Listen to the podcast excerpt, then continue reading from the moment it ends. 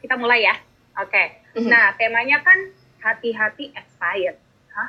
Mhm. Emang perempuan bisa expired? Jadi eh, sebelum kita ngomong, Nes intro Mhm. dikit dong tentang diri lo dan kenapa sih jadi Oke. fokusnya sexual education? Itu kenapa ya?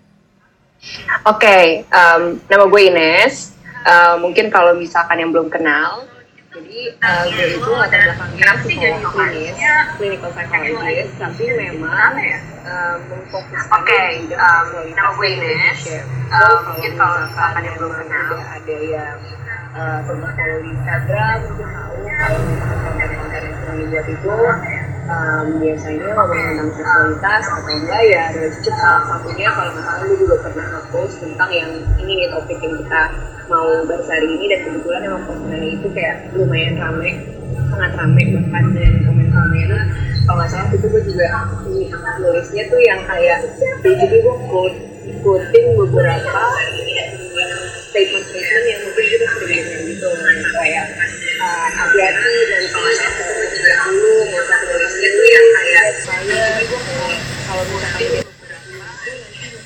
gede-gedean whatever that means Uh, kayak ya basically adalah kayak mem- yang gue poin gue di posting itu postingannya itu adalah waktu itu kayak kenapa sih si perempuan itu tuh malah dijadiin kayak barang? Karena kan kayak when we uh, use the term expired atau diskon uh, itu kan seolah-olah kayak hey lu barang yang akan dijual gitu. Dan kayak lu laku nggak lakunya lo itu tergantung kayak kualitas lo and I'm I'm very against that karena apalagi kayak orang ngomong-ngomong laku nggak laku mungkin kadang-kadang kita suka keceplosan sih kayak maksudnya in our daily life kayak bercanda-bercandaan sama teman eh belum laku ya atau eh makasih ya eh eh, eh congrats ya udah sold out have you heard that Hah? udah sold out Kata siapa? Iya, jadi kayak kalau misalkan got engaged atau got married, kayak ini udah sold out dia, udah udah ada yang Ya beli. ampun. Jadi kayak gitu.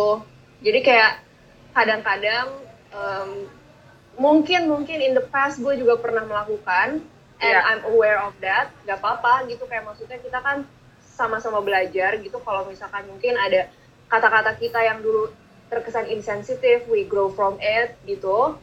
Uh, tapi ya basically ini udah berarti kan sampai misalkan kita yang mungkin udah aware dan cukup um, apa ya cukup mm, mendalami isu ini aja bisa sampai keceplosan berarti itu kan udah sangat mendarah daging ya di dalam society kita gitu bahwa perempuan itu barang gitu yang emang ada expiry date-nya atau shelf life-nya Oke, like tu- Mm-mm. tunggu tunggu tunggu. Ada Mm-mm. shelf life. Terus kan sering Mm-mm. ngomongnya hati-hati hampir 30. Lah, itu 30 itu dapetnya dari mana? Sejak kapan kita decide, oke, kalian semua expiration date 30. Kenapa nggak 29,5 gitu? Kenapa nggak 31? Kenapa nggak dia satu ya kan? Iya. Iya. 30 Iya, ini iya. dapat dari mana?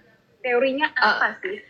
Atau ngasal? honestly honestly gue nggak tahu kayak maksudnya yang yang 30 itu tuh da- dari mana mungkin dari ibu kita mungkin dari nenek kita mungkin dari ayah kita mungkin dari nggak tahu sanak saudara kita mungkin nggak nggak tahu lah itu munculnya dari mana. Tapi kalau misalkan dari em, sudut pandang psikologis itu sih sebenarnya nggak ada ya yang pernah bilang oke you have to get married at 30 or otherwise you're screwed. Nggak ada yang pernah ngomong kayak gitu sih. Mungkin kalau ada satu em, apa pencetus teori di psikologi yang ngomongin kurang lebihnya tentang kayak tugas perkembangan orang di masing-masing stage atau tahapan kehidupannya. Itu namanya Erik Erikson. Tapi em, oke mungkin gue jelasin sedikit sih konsepnya si Erik Erikson ini. Jadi basically kayak kalau misalkan kita ada di tahap perkembangan tertentu, misalkan kita usia kita let's say satu tahun.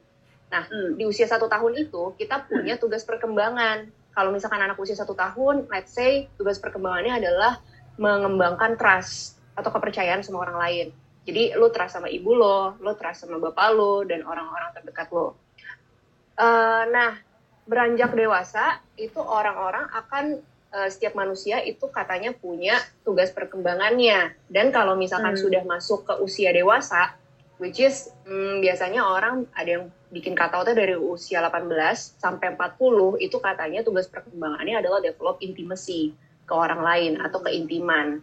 Tapi balik lagi, dari teori itu pun juga sebenarnya nggak ngomongin urusannya terkait nikah. Ya bisa aja kan lu pacaran tapi nggak mau nikah, bisa aja gitu. Atau you develop intimacy sama orang lain, nggak harus sama pasangan hidup kan, bisa aja sama teman, hmm. bisa aja sama keluarga dan dan itu tuh nggak uh, nggak nggak saklek gitu kan jadi oke okay, harus satu pasangan yaitu pasangan hidup yang lo harus nikahin anyway itu juga nggak ada usia 30-nya angka 30-nya tuh juga nggak ada gitu jadi kayak sebenarnya gue nggak tahu sih itu 30 itu tuh munculnya dari mana tapi ya emang udah apa ya mendarah daging aja gitu kepala tiga kepala tiga hati-hati kepala tiga hati-hati kepala tiga gitulah kayak I'm sure you've heard of it Mm. I mean, aku hampir kepala empat. Jadi kan baru kawinnya tahun lalu kan? Waktu yes. 38. Hmm, ya, iya, tiga. Dan nggak masalah juga, iya kan? Tetapi gini, nah aku kan uh, aku kan laki banget bahwa keluarga aku dari dulu for some reason nggak pernah ya mereka nggak pernah pikirin itu. Tetapi uh -huh. memang waktu aku lihat semua teman-temanku yang lain, even uh, cousins gue itu suka ditanyain, eh kapan mm. nih kepala tiga, kepala tiga, eh udah yeah, lewat nih kepala tiga. Yeah. Tapi kan ini Indonesia atau apa per, apa atau stigma ini juga ada di luar negeri. Mm. Oh, oh, pokoknya pertanyaannya tuh adalah is it an Indonesian thing atau yeah. ini juga ada di luar negeri? Hmm, gue nggak tahu ya, tapi kayak kalau misalkan dari pengamatan gue itu memang um, mungkin ya kayak I don't know, hmm. mungkin ini juga terkait dengan uh, seberapa involve keluarga di budaya-budaya tertentu. Kayak Hmm. Ya, kebayang nggak? Jadi kan kayak yeah, oke, okay, yeah. kalau misalkan Indonesia itu kan uh, masih considered budayanya itu kolektivis. Jadi kita itu ah. cukup hidupnya tuh cukup kolektif gitu loh. Kayak kita tuh cukup cukup dekat sama keluarga dan keterlibatan okay. keluarga dalam keputusan hidup kita itu jadi cukup besar walaupun kolektif kita udah dewasa. Namanya. Uh-uh, okay. budaya yang cukup kolektivis. Jadi sebenarnya ngomongin budaya kolektivis itu bukan cuma ngomongin terkait keterlibatan keluarga, enggak juga sih, tapi basically hmm. um, kita itu jadi eh, oke, okay, uh, kita itu jadi uh, apa ya sense of diri kita, diri kita itu siapa, itu terkait dengan relasi kita dengan orang lain. Itu budaya kolektivis. Kalau misalkan okay. budaya yang individualis itu cenderung, oke, okay, gue masih punya social life kok sama orang, jadi jangan salah kaprah juga. Budaya yang cukup individualis tetap punya social life, tetap punya social connection, tapi mungkin um, cara dia mendefinisikan dirinya itu uh, lebih ke dirinya sendiri, bukan dari koneksinya hmm. dia atau lingkaran pertemanannya dia atau keluarganya dia. Nah, karena di Indonesia itu memang pretty much masih kolektivis, uh, bukan masih sih, maksudnya dia kolektivis gitu. Uh, jadi uh, ibaratnya ya kebayang lah jadi itu itu jadi efeknya ke semua hal. Jadi berembet ke semua hal. Mulai dari yang mungkin kalau misalkan lu lagi kumpul-kumpul bareng kok keluarga gue jadi nanyain hal-hal yang personal yang kayaknya uh, gue nggak mau cerita sih. Atau kayak misalkan kapan nikah, kapan punya anak, hmm. kapan kapan si kakak dikasih adik yang suka-suka dia manggil kakak, gue aja kagak manggil kakak misalnya gitu. Iya iya iya. iya. Siapa tahu gue tidak merencanakan dia punya adik gitu loh. Tapi yang kayak tiba-tiba jadi ditanyain hal-hal personal yang mungkin karena orang merasa bahwa oh iya kita kan kita kan satu gitu, kita kan kumpul hmm. gitu. Jadi kayak mereka lebih ngerasa entitled untuk dalam tanda kutip ngurusin hidup kita gitu loh hmm. jadi mungkin kalau misalkan mau dibilang kayak is it an Indonesian thing kalau gue sih ngelihatnya lebih dari kayak bagaimana kita mengartikan diri kita dan rasa kekeluargaan kita sih gitu hmm. kalau gitu um, mm kan jadinya kalau kolektivis uh, as you said kan bisa yeah. aja risikonya jadi kepo iya ya itu bahasa itu kepo ya benar oke okay. ya kan uh, nah uh, menurut lo itu lebih bagus uh, society yang individu atau society yang kolektif? Nah, kita kan di, hmm. katanya di kultur yang kolektif. Tapi hmm. kalau gitu pro-nya apa? Kita tahu nih konnya apa. Kalau gitu oh, okay. bagian pro-nya apa dong? pro-nya gini menurut gue sih baik dua-duanya itu ada pros and cons-nya dan gue Hmm. bukan orang yang yang suka mendikotomikan sih sebenarnya kayak maksudnya I believe kayak semua hal itu hampir semua hal itu sifatnya kontinum jadi kayak Hmm. ada derajat individualismenya tertentu ada derajat kolektif kolektivismenya tertentu gitu jadi mungkin Indonesia itu ada di eh, titik tertentu di dalam kontinum itu tapi memang kita lebih cenderung cenderungnya ke kolektivis nah Hmm. Uh, tapi pro-nya itu tuh misalkan gini deh, kayak lo lo lebih sering mana dengar mertua atau ibu ngurusin cucu di luar negeri apa di Indonesia? Iya bener sih.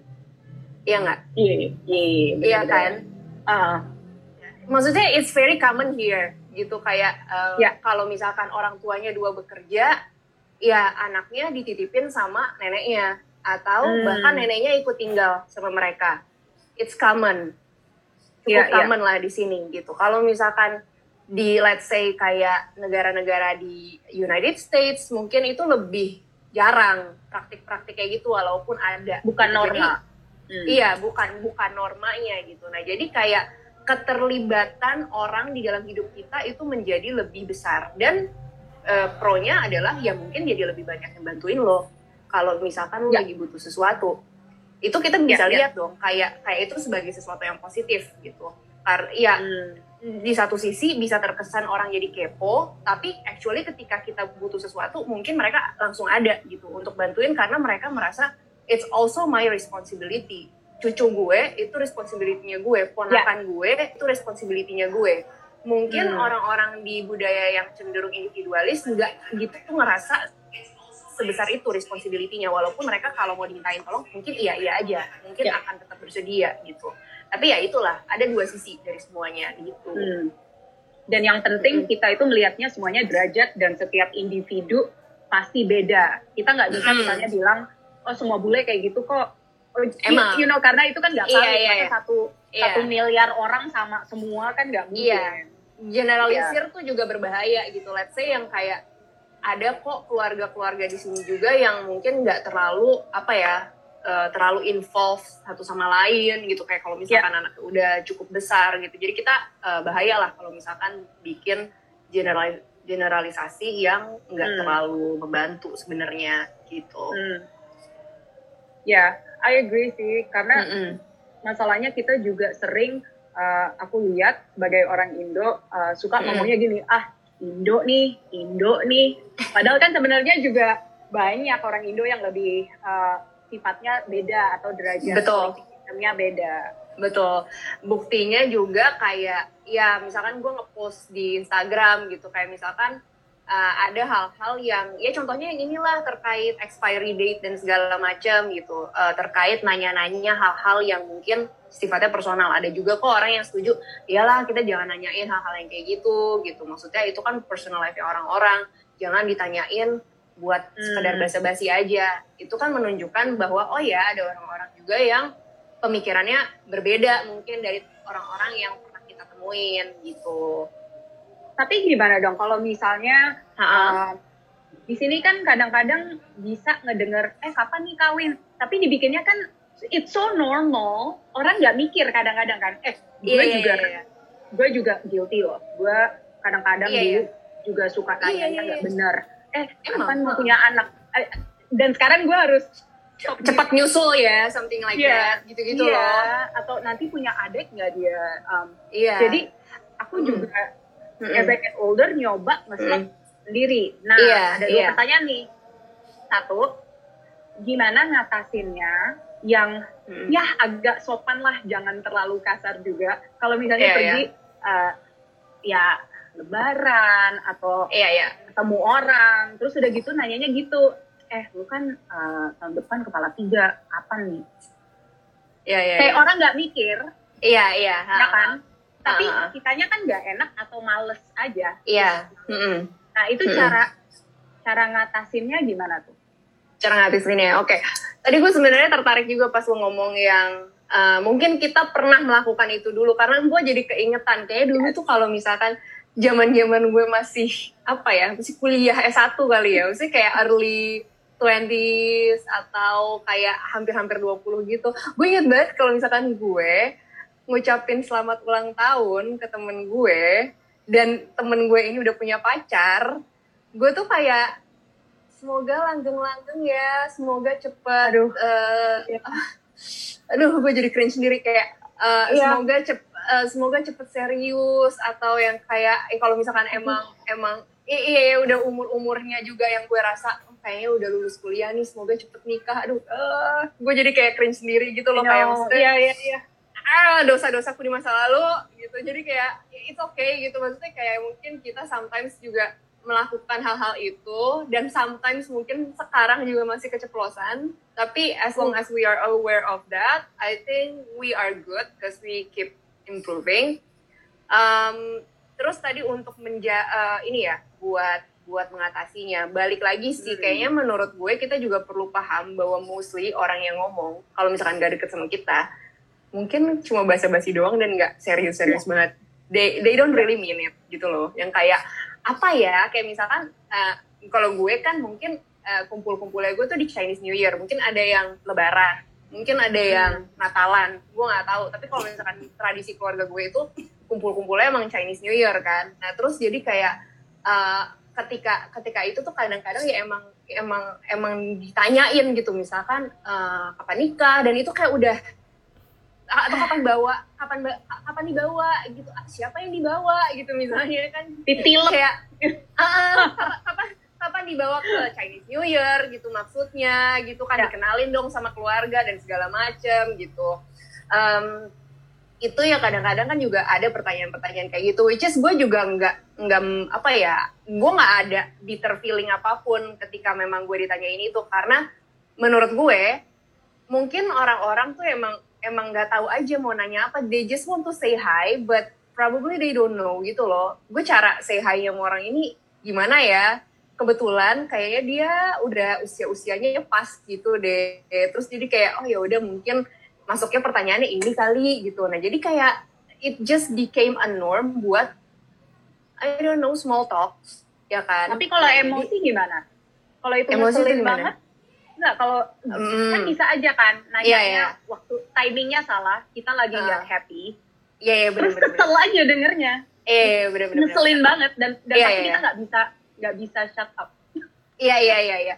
Oke, eh, sebelum ke yang itu, kayak kalau tadi sebenarnya kayak gue belum menjawab kayak gimana cara menanggapinya. Tadi kalau misalkan eh, konteksnya adalah dia, kita tahu bercanda dan kayak mungkin basa-basi aja, kita mungkin bisa balesinnya ya udah basa-basi aja, maksudnya kayak bercanda aja kayak oh iya doain aja ya gitu atau oh iya eh, belum gitu. Maksudnya kayak nggak usah dianggap serius atau dipanjangin kalau misalkan menurut gue. Tapi kalau misalkan emang itu udah ganggu kita banget, ya kita bisa gitu uh, have like a serious conversation juga ke orang itu. Misalkan kayak orangnya emang cukup deket dan juga kayak nanya Hmm. ini juga cukup menurut kita kayak kok nanya mulu nih orangnya gitu. Nah Iya. jadi uh, maybe mereka nggak tahu kalau itu semengganggu kita gitu yang kayak uh, mungkin mereka they mean it good kayak maksudnya mereka mungkin bermaksud baik kayak ada kan yang buat nanya itu ujung-ujungnya mau jodohin ada aja kayak Oh iya benar juga.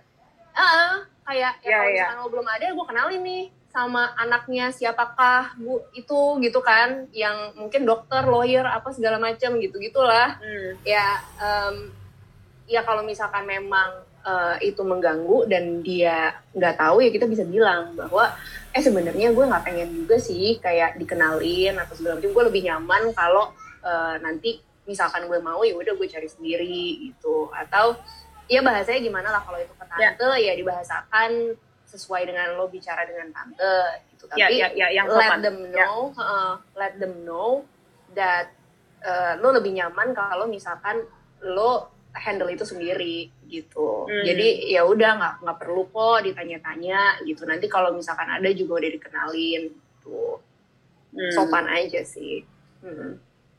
Nah, gimana caranya biar kitanya yang nggak keceplosan, cepet banget ngomong ketemu temen, eh sis, kapan nih sis? Karena kita kan juga nggak tahu, misalnya gini-gini, gue kan, Eh.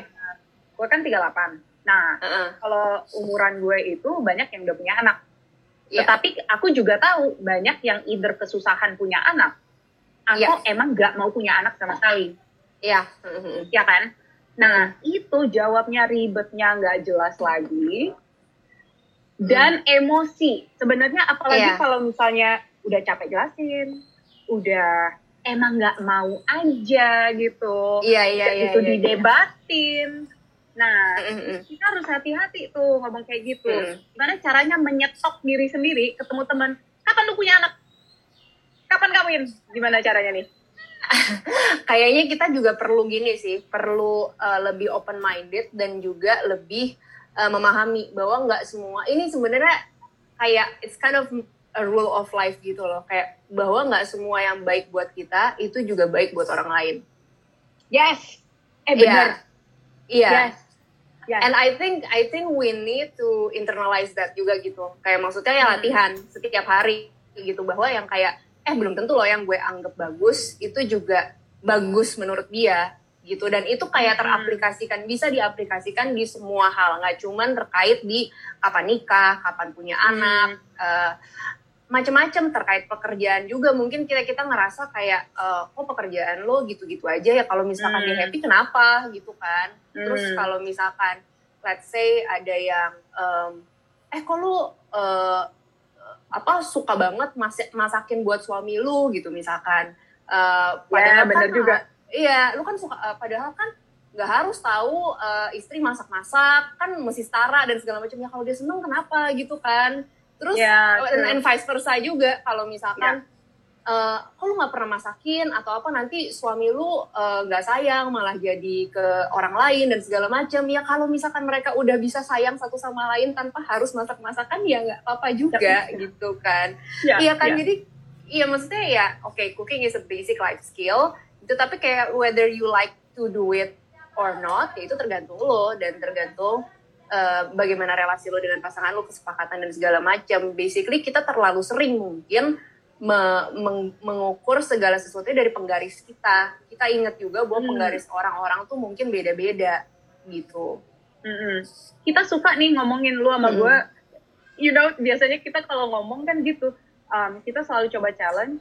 uh, kenapa sih semua orang lain harus hidup menurut norma hidup kita?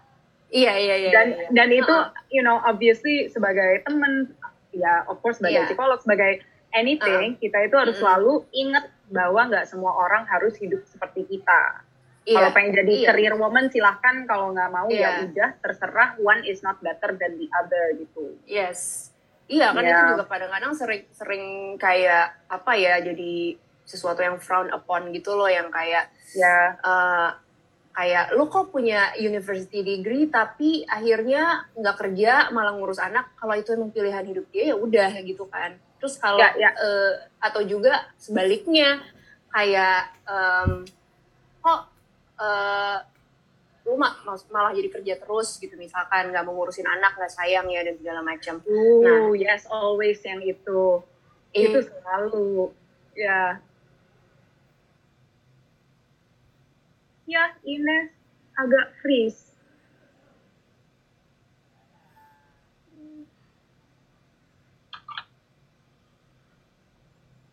Ines, ikau freeze.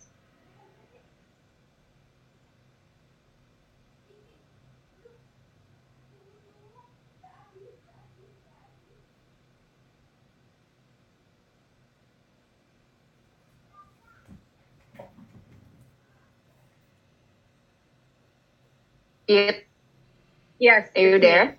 Yes. I'm sorry. Okay. Ini nggak tahu kenapa dia. Nggak apa-apa. Oke. Yang main penting video kita belum ya? belum. Yang penting kita dapat Oke. faedah loh. Nah, back. Oke. Back. Ya. Ya, ya. Oke. Oke. Basically, kita harus selalu ingat ada derajat macam-macam. Orang semua Mm-mm. punya pilihan hidup mereka dan kita Mm-mm. harus hati-hati taruh norma kita ke Betul. hidup mereka.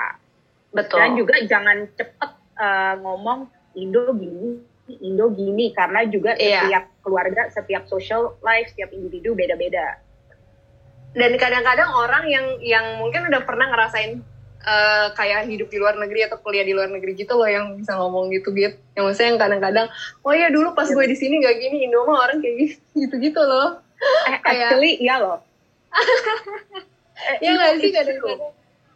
Uh, dan, dan selalu ngebandingin kayak nganggep uh, yang satu lebih bagus dari yang lain. Iya, uh, uh. Uh-uh. iya. Jadi yang kayak di, dianggapnya mungkin karena ya udah gue pernah study abroad dan mungkin pikiran lebih terbuka, terus jadi kayak oh orang Indo mah begini kayak as if um, orang Indo tuh terbelakang atau kurang Iya.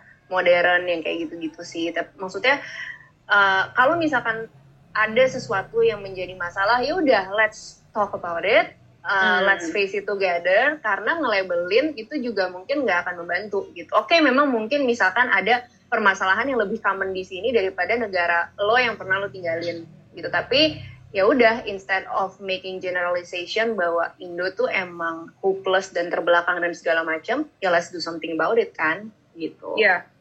Aku sama aku Mm-mm. benci banget denger yang kayak gitu. Kok di sana kayak gini, terus kita di sini kayak gini, ya udah something iya, iya. about it daripada marah-marah sendiri. Ah, ah. Dan lo sendiri kan emang juga salah satu orang yang pernah tinggal di luar lama, tapi gue sama sekali nggak pernah lo denger, eh, nggak pernah denger lo tuh kayak ngebanding-bandingin kayak gitu. Jadi kayak Iya. emang lo, iya, misalnya maybe you can tell a bit, Oh, kayak lo pernah kenapa? tinggal di mana? Ah, Ah, mm-mm. Jadi gue sebenarnya tinggal di Amerika 27 tahun. Iya. And So, dan bahasa bahasa bahasa pertama lo tuh sebenarnya bukan bahasa Indonesia kan? English. Iya, English. Aku bener-bener baru belajar bahasa Indonesia 7 tahun terakhir. Mm-mm.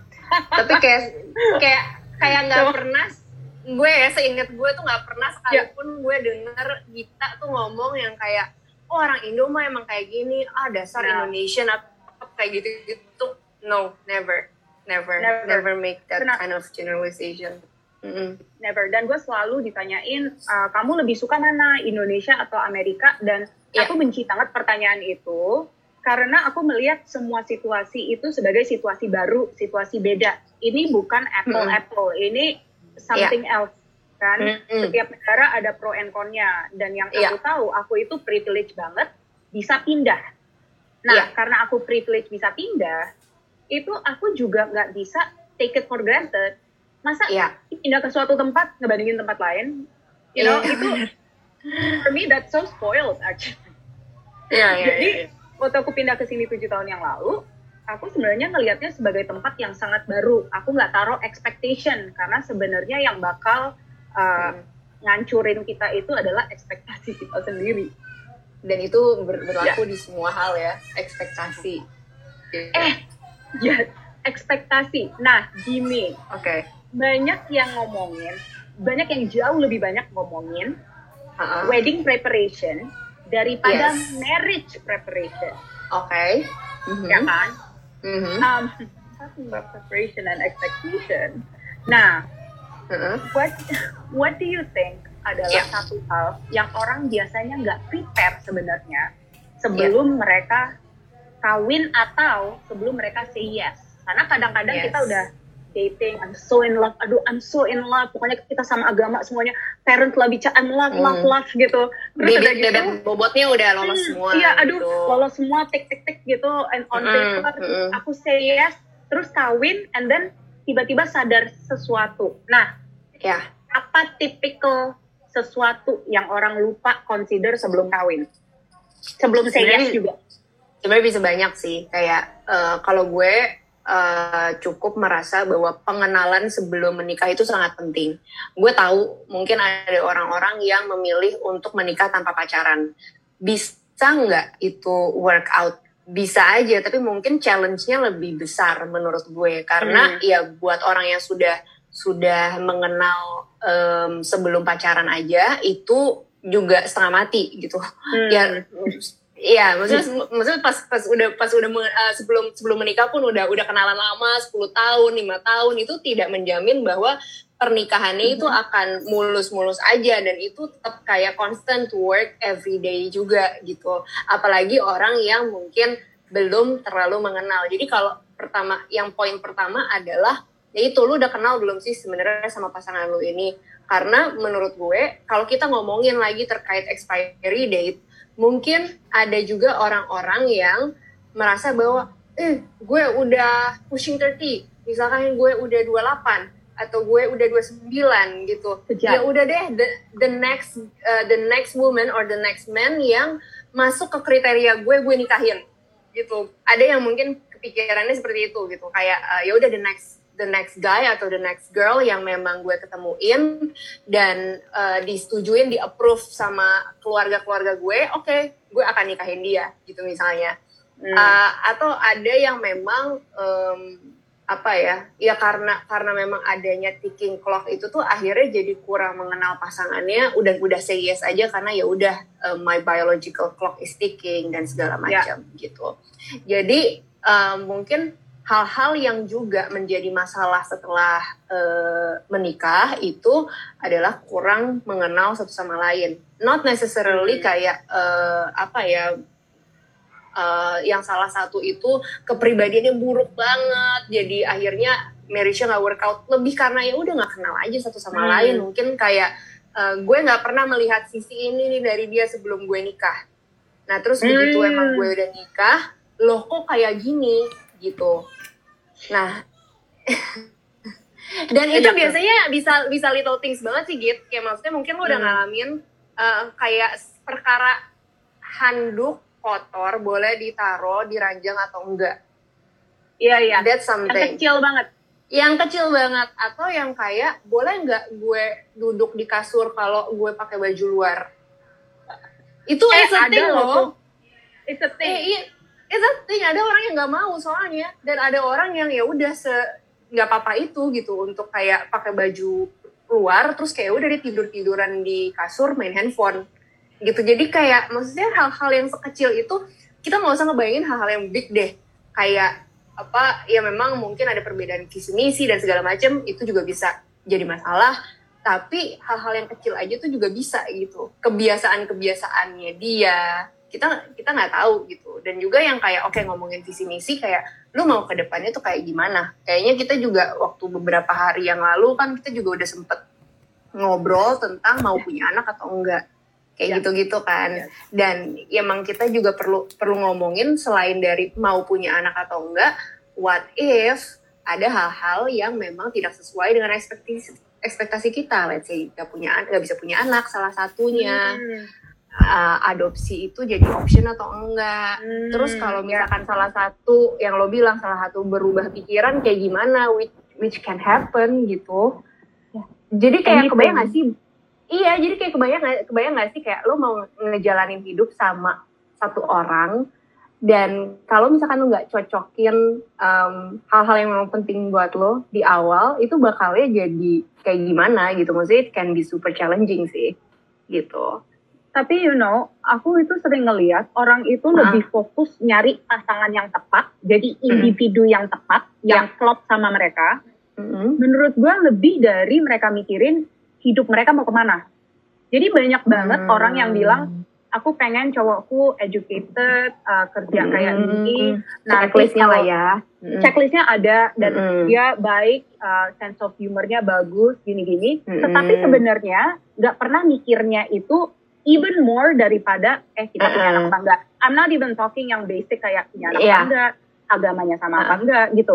Iya. Tapi lebih literally sebagai orang nggak tahu ya oh sebenarnya gue ke depannya mau ngapain, mau, hidup gue mau kayak apa, do I Itu- want a partnership yang seperti ini, gue pengen Iya. yang kayak gini, so I think can you talk more betapa pentingnya kita sebenarnya kenal diri sendiri ini dan visi kita Exactly. ke mana sebelum Exactly. Hmm. nyari orang. Iya. Jadi orangnya sebenarnya bukan yang pentingnya. Exactly. I, I'm really I'm really happy happy you brought it up. Gue gue jadi keingetan ada satu hal yang ditanyain sama inter- interviewer gue waktu gue mau masuk um, lagi daftar mau mas- masuk master. Kayak mau jadi Hmm. psikolog nih, pendidikan psikolognya. Um, waktu itu gue ditanyanya um, kan waktu itu gue lagi punya pacar.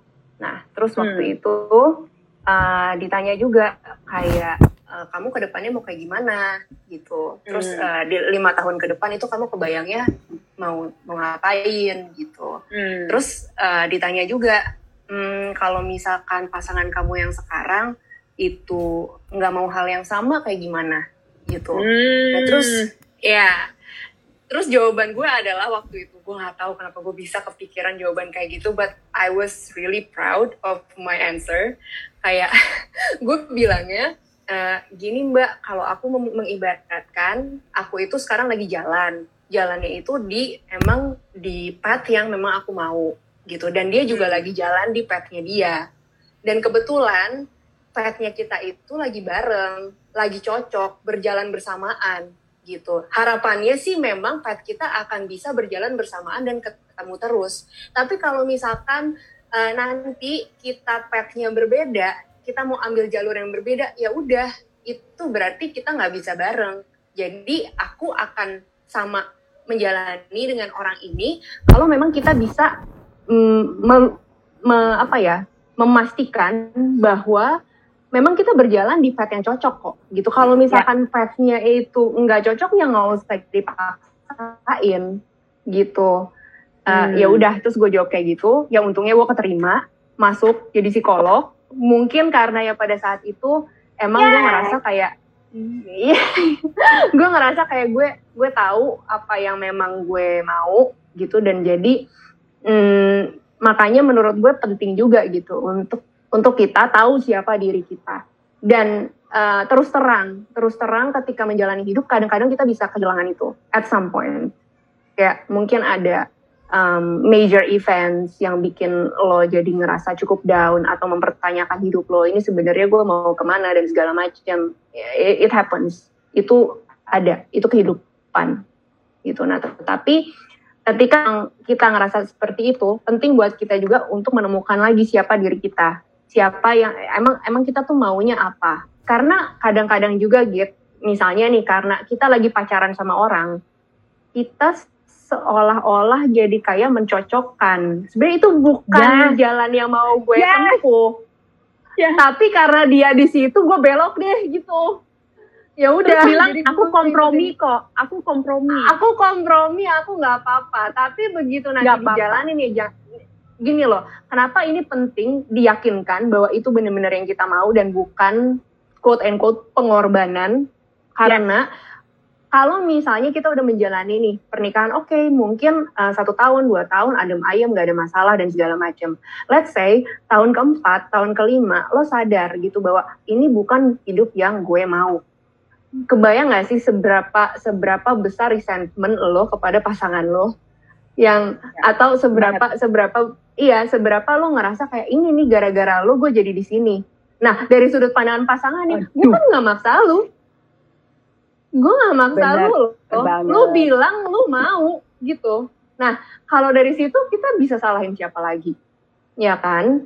Jadi ya nggak ada gunanya juga untuk menyalahkan diri sendiri tapi kan bukankah alangkah baiknya kalau misalkan di awal sebelum kita membuat sebuah major life decision, kita juga udah yakinkan bahwa itu memang benar-benar langkah yang kita mau. Bukan sekedar karena uh, calon suami gue atau pacar gue itu itu mau ke arah sana ya gue ngikut aja. Karena it doesn't work that way. Ketika memang kita mengubah jalur hidup kita sebegitu besarnya, takutnya kalau kita nggak suka ya kita juga jadi sebel sama orangnya somehow gitu. Nyesel itu paling nyesel. itu paling nges yeah. ngeselin kalau nyesel iya itu jadi makanya I think, uh, it's important yeah. untuk tahu our path dulu gitu hmm. sebenarnya waktu itu juga personally um, mm as you know um, mm. aku itu kan kita berdua sebagai couple jauh lebih lama uh, marriage planning dan premarital counseling yeah. daripada wedding, wedding planning. Yeah. Wedding planning wedding kita paling planningnya buru-buru 6 minggu sambil panik-panikan tapi kita premarital counselingnya itu yeah, yeah, yeah, yeah. lebih dari ya, sejak gue kenal lu lu udah premarital counseling kayaknya Iya kan? ya nggak nggak segitu lama lah, tapi iya, ya lama, kayaknya. lama banget. Eh, lama lama. Hmm. Lama banget. um, enggak, tapi itu karena kita baru sadar juga banyak diajarin beberapa hal. Jadi misalnya um, hmm mulai ngomongin hard stuffnya sekarang sebelum mm. definitely sebelum even say yes kayak kita mm. harus nanyain eh tapi nanti kalau aku pindah ke sini uh, dan mm. aku bilang aku mau jadi career woman tiba-tiba aku uh, change of heart aku pengen jadi uh, stay at home mom gimana Iya. nih are you okay with Hmm. that gitu atau Iya. misalnya let's say aku, aku bilang sekarang aku mau jadi stay at home mom eh tiba-tiba kalau itu terjadi aku nggak mau Iya. you mau nggak jadi Iya, stay at home dad tuh kita Iya. sampai pernah nanya mau jadi stay at home dad nggak terus even Iya. financially pokoknya semuanya yang sangat tidak seksi kita Mm-mm. omongin karena uh, sebenarnya romantisnya di situ. Kalau lu bisa ngomongin hal yang gak romantis dengan Iya. pasangan lo, dan you feel romantis. comfortable, iya kan? Iya. Nah, makanya. Iya. Nah, nah gini, what do you think adalah basically kesalahan kesalahan yang lu sering dengar uh, waktu Mm-mm. orang udah say yes, udah say yes, tapi at the last minute mereka biasanya kayak, aduh, gua bener-bener gak tahu nih. Nah itu lu bakal biasanya wedding jitters atau emang beneran that's a Aha. problem. Iya iya iya. You know what I mean? Uh-uh. Yeah. Ya, I know what you mean. Jadi kayak perbedaannya wedding jitters atau kayak lu bener-bener ragu sama pasangan lo, gitu kan? Ya, Eh, Iya, gini sih. bukan nervous yang biasa lagi. Bukan nervous yang biasa lagi. Oke, gini lah. Hmm, ketika memang lo udah ngomongin hard stuff yang tadi, lo lo lo bilang tuh kayak misalkan ya gimana kalau misalkan nanti gue mau balik kerja atau gue mau berhenti kerja dan segala macam. Ketika kita udah ngomongin uh, hal-hal yang memang sulit atau challenging itu dan kita udah punya jawabannya gitu. Oke, Hmm. mungkin ada ada ada hal-hal yang kita nggak bisa langsung tahu kayak misalkan oke yang ini kayak gue belum tahu nih. We have to see uh, in the next one year atau in the next two years. Tapi at least lo tahu step-stepnya apa dan kayak partner lo tuh juga bisa diajak bicara terkait uh, kegelisahan lo dan segala macam. Kalau misalkan lo masih gugup itu ya wajar-wajar aja karena itu kan Hmm. mungkin lo mau nikah dan segala macam. But make sure that your partner itu bisa diajak omong tentang Hmm. itu and you can be totally open about that ketika memang lo justru jadi nggak bisa ngomong sama partner lo terkait apa yang memang lo jadi concern nah itu gue nggak bilang ya bahwa itu itu memang ada sign something wrong tapi mungkin lo bisa mempertanyakan kenapa gue nggak nyaman ngomong sama dia Kenapa gue Kenapa? gak enak? iya kenapa gue nggak enak Hmm. apakah karena memang emang gue ngerasa kayak I didn't make a right decision atau gue nggak nggak apa ya nggak mikir itu secara masak-masak atau yang kayak ada hal-hal sangat fundamental yang gue sampai nggak bisa ngomong tentang partner gue ke, ke partner gue karena gue ngerasa nggak enak gue takut dia ngerasa tersinggung dan segala macem Yes. itu ya itu kita perlu mempertanyakan sih kayak maksudnya um, Hmm. mau nggak nih sama orang ini karena kita nggak bisa ngomongin hard stuff itu gitu kayak oke lah wedding wedding jitters dan segala macam kalau misalkan yang gue lihat-lihat ya orang yang apa sih ada gitu ke kegelisahan. Tapi they talk to their partner. Kalau misalkan memang itu ya ya ya jitters gitu. Mm-mm, kayak maksudnya ya Yeah. dan dan bisa dan bisa dibicarakan gitu apa hal-hal yang menjadi concern dan segala macam bisa ditemukan solusinya juga. Ketika emang udah udah ngerasa kayak nggak bisa ngomong nah itu pertanyakan lagi. Kenapa lu Hmm. nggak bisa ngomong sama partner lu dan yakin atau Hmm. enggak gue mau melangkah Hmm. sama orang ini kalau terkait hal-hal yang penting seperti ini gue nggak bisa ngomong sama dia Hmm, yang pokoknya udah takut duluan. Mm-mm, mm-mm, mm, entah karena nggak nggak harus selalu ya bahwa itu pertanda bahwa ada something yang doom atau yang memang nggak Iya, bisa right. diperbaiki lagi nggak nggak juga gitu tapi ada alasannya kan kenapa kita nggak bisa ngomong sama partner kita dan akan lebih baik kita tahu alasannya kenapa kita nggak nyaman ngomong sama dia sebelum nikah daripada setelah karena kalau misalkan lu udah nikah lu nggak bisa ngomong sama dia lu baru tahu kenapa ya gue nggak bisa ngomong sama dia ternyata gue nggak bisa jadi diri gue sendiri kalau sama dia nah lu nah itu kan Ya. ya ya kan Tapi itu kan jadinya mungkin- Hah? Mm-mm. Iya terus terus. enggak lu aja dulu gue lupa Tapi itu kan mungkin bukan salah salah orangnya, mungkin kan bukan salah partnernya. Misalnya gini, uh, Mm-mm. Mungkin gue ada trauma nih, Mm-mm. tapi gue sendiri juga udah nggak sadar gue punya trauma attachment atau apa gitu. Jadi betul malah kitanya sebenarnya we're the we're the problem. Nah, gimana cara tahu? gimana cara tahu Iya, um, iya, iya, kalau sebenarnya keenggak enakan lo itu itu Mm-mm. mungkin trauma lo yang gak jelas Iya. atau your past or something lah yang sebenarnya Mm. lo belum take care. Okay, guys, that's why you go to a psychologist, okay? eh, ini aku nggak sengaja loh. Ini literally just random. Eh, iya, iya, iya, this is a re- emang. This is a real question. Emang gitu, makanya guys, that's why kayak kalau misalkan memang kita punya um, something yang kita nggak bisa jawab sendiri mungkin terkait diri kita, kita bisa kok cari mental health professional untuk membantu kita menemukan jawabannya. Kalau misalkan ada something yang gue nggak tahu nih alasannya kenapa, tapi nggak enak, kayak di dalam diri gue tuh nih nggak ganjel banget. I need help. Ya udah pergi ke mental health professional. Bukan berarti si psikolognya atau psikiaternya itu tuh maha tahu bahwa dia langsung ketemu lo langsung tahu oke masalahnya tuh di sini sini sini sini sini sini enggak tapi uh, mereka bisa bantu untuk uh, dengan pertanyaan-pertanyaannya atau guide us through supaya kita bisa mengenal apa sih sebenarnya yang terjadi tapi bener banget gitu yang lo ngomong bahwa ketika memang kita something is not working out between us and our partner itu belum tentu salah partnernya bisa aja karena interaksi dua-duanya atau bisa aja karena memang ada sesuatu di dalam diri kita yang memang belum selesai. Nah, itulah kenapa makanya pergi ke psikolog atau ke psikiater, mental health professional basically itu akan membantu biasanya gitu. Um, bukan berarti kalau psikolog itu nggak ada masalah, well I have problems, I go to I talk to my friends juga yang psychologist juga dan segala macam gitu. Jadi yang kayak uh, well kita sama-sama manusia gitu. Kita juga punya punya masalah, kita juga punya problems and sometimes we need someone else to help us figure out gitu. Tapi kan ada stigma dari uh, Mm-mm. dari pasangan. Uh, Mm-mm. gila, itu banyak banget loh yang kalau misalnya minta couple counseling, yang satu lagi Mm-mm. bilang never, kita nggak ada problem gitu. Iya, that. itu, itu. Terus atau orang tua bilang, ah emang kamu orang gila. Atau Iya, iya, ada iya. teman yang bilang, aduh kamu nanti dicekokin pil gitu. ya, mm-mm, mm-mm. Nah, ini Iya, gimana? itu memang kayak masih ban- masih banyak lah, masih ada stigma gitu terkait pergi ke mental health profesional.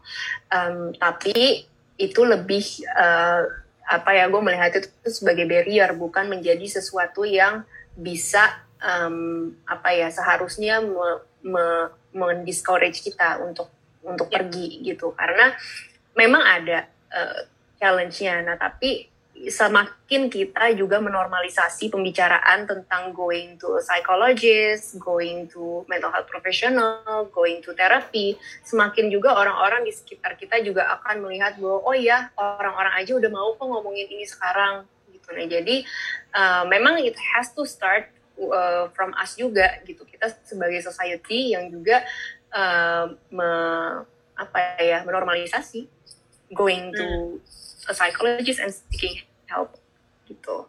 tapi eh, ya and as you know Mm-mm. gue suka Mm-mm. banget sama therapist karena it it's as if lu bener-bener ada ob- very objective third party Betul. Mm-mm, Dan mm-mm. as you know gue juga udah bertahun-tahun dan emang gue Mm-mm. for some reason ya suka aja Um, Iya iya. Iya. Mm-mm. nah Dan kayak ada ada ada orang yang perhatiin lo satu jam atau 45 menit tuh bener-bener perhatiin lo doang lo. ya, iya Kayak, lu fokus. How fun is that? Ya kan? Kayak maksudnya how gimana lo lo ngerasa itu kan jadi mungkin lo membuat lo ngerasa feel good gitu bahwa Hmm, bahwa di dalam satu waktu at least ada orang yang benar-benar fully dengerin lo. Dan dan objektif karena harus. Dan objektif iya. Ya Karena harus betul iya karena buat gue melakukan itu adalah Mm-mm. self care dan refleksi dari self love iya personally betul. karena Mhm. the big thing for me is aku nggak mau jadi yang uh, bersalah dengan uh, relationships gue maksudnya gue nggak mau Uh-huh. jadi orang yang membuat relationship ini jelek Mm-mm. pasti pasti aku ada mistake-nya lah namanya juga relationships kan Mm-mm. Uh, Mm-mm. nah ini tiba-tiba kok uh, melenceng ke filosofi Uh, menurut lo kan sekarang orang suka ngomong self care self care self love self love tapi yap, sebenarnya in yap, yap. reality itu kan beda Mm-mm. nah you kan sebenarnya perlu self love kan technically untuk bisa uh, decide Mm-mm. pasangan mana yang benar-benar will help you to self actualize Ya, untuk betul. realize diri lo yang Betul. paling baik betul iya So what self love? Self love itu apaan? Self care kan gue ke spa, gue kan asik-asik aja. Tapi itu bukan self love kan? Apa Iya. bedanya? Oke. Um, well self care itu juga kadang-kadang bisa jadi bagian dari self love gitu. Tapi Right. gue salah satu perspektif yang gue suka adalah gue melihat self love itu bukan sebagai something that you can cross off your list. Kayak sesuatu yang kayak oke gue udah selesai, gue udah mencintai diri gue sendiri. Tapi itu adalah sebagai sesuatu perjalanan atau journey. Hmm. Jadi kayak gue nggak akan ngerasa, gue sih merasanya ya personally, gue nggak akan pernah bisa bilang bahwa gue 100% udah mencintai diri gue sendiri. Nggak mungkin gitu karena I'm there. Uh, ya. uh, I'm there, I'm there gitu karena di dalam setiap hari pengalaman gue itu juga gue pasti akan belajar hal-hal baru yang bisa membantu gue untuk lebih menerima diri gue sendiri dan berdamai sama diri gue sendiri Hmm. Kayaknya buat gue sih itu gitu. Kayak ya udah gue menerima diri gue seperti ini dan gue berdamai bahwa kalau misalkan gue pernah melakukan kesalahan gue nggak sempurna gue nggak harus selalu jadi yang paling baik gue bisa jadi eh, memiliki hubungan yang gagal Eh, bisa aja gue bikin salah sama pasangan gue dan segala macam. Itu gue akan belajar setiap hari terkait itu gitu. Nah em, dan dan menurut gue itu juga bukan ini sih self love itu juga bukan egois ya enggak enggak Yes. gitu I beda know it's, uh-uh. it's a difference. Tapi orang kadang-kadang Iya. melihatnya, oh itu tentang diri, oh egois banget loh. iya Ya. iya iya iya jadi yang kayak em, kadang-kadang orang tuh ya kadang-kadang ya mungkin ya orang yang ngomongin self love itu juga jangan sampai disalah artikan gitu bahwa kita tuh bisa jadi orang yang egois bedanya apa kalau kita egois itu dengan kita memperhatikan diri kita sendiri kita menyakiti orang lain. Kayak kita Hmm. merugikan orang lain dengan kita mencintai diri kita sendiri. Gitu. Jadi yang kayak you actually harm people gitu ya. Ya lu exploit people you manipulate people itu ya jadinya kan egois gitu. Tapi kalau misalkan lo mencar mencintai diri lo sendiri dengan cara lo ya nggak harus menyakiti orang lain juga. Ya well kita di da- di dalam menjadi manusia mungkin lah ada hal-hal yang memang yang kita suka atau kita mau jalani nggak cocok sama orang. Well that's life gitu. Bukan maksudnya intensi Hmm. kita untuk menyakiti orang itu kan. Tapi ya kita nggak bisa Nah, keep ya. everyone happy aja. Itu nggak itu beda sama menyakiti orang. Bener-bener gitu. Jadi kayak Hmm. we cannot keep everyone happy. Jadi bukan juga kita harus oh iya karena kak Ines bilang kita nggak boleh menyakiti orang lain maka aku harus bikin senang semua orang Aduh. Enggak juga. Ya Oh gimana gosh. kamu bukan kamu bukan Wonder Woman gitu. Kamu nggak Iya. bisa eh, menyenangkan semua orang juga gitu. Nah, tetapi ya cari balance-nya di mana kamu bisa take care diri kamu sendiri tapi juga nggak intentionally menyakiti orang lain gitu. Hmm. Kamu bukan pizza, kamu nggak bisa bikin semua orang happy. Iya. Kayak lu You're bakal bakal, pizza. bakal marah sama gue nggak kalau gue bilang gue nggak terlalu suka pizza sebenarnya. It's okay sih, sebenarnya I cooked for you before. Iya, tapi no, tapi kayak Hmm. maksud gue kayak enggak bukan sesuatu yang oh iya gue akan makan pizza setiap hari gitu. Yes. Tapi enggak, you cook for me salad. Eh, no no pasta. Yes. And I, I like did, I did cook. Oh, thank you. Yeah. Ya udah, you're Mhm. not pasta. You can't make everyone happy atau apalah nasi goreng. Um, okay, what do you do every day? Apa yang lo lakukan tiap hari untuk Mhm. coba praktis self love sehingga lu selalu melakukan proses itu yang lu lakukan tiap hari. Oke, Eh, gue setiap hari gue berusaha untuk menjadi mindful. Mindful itu adalah ketika lo memperbolehkan diri lo untuk mengalami pengalaman lo here and now. Saat ini, di detik ini, lo ada di mana, lo mengalami perasaan Hmm. apa, itu eh, itu yang yang yang masuk ke dalam kesadaran lo. Kenapa gue bilang itu menjadi salah satu bentuk self love?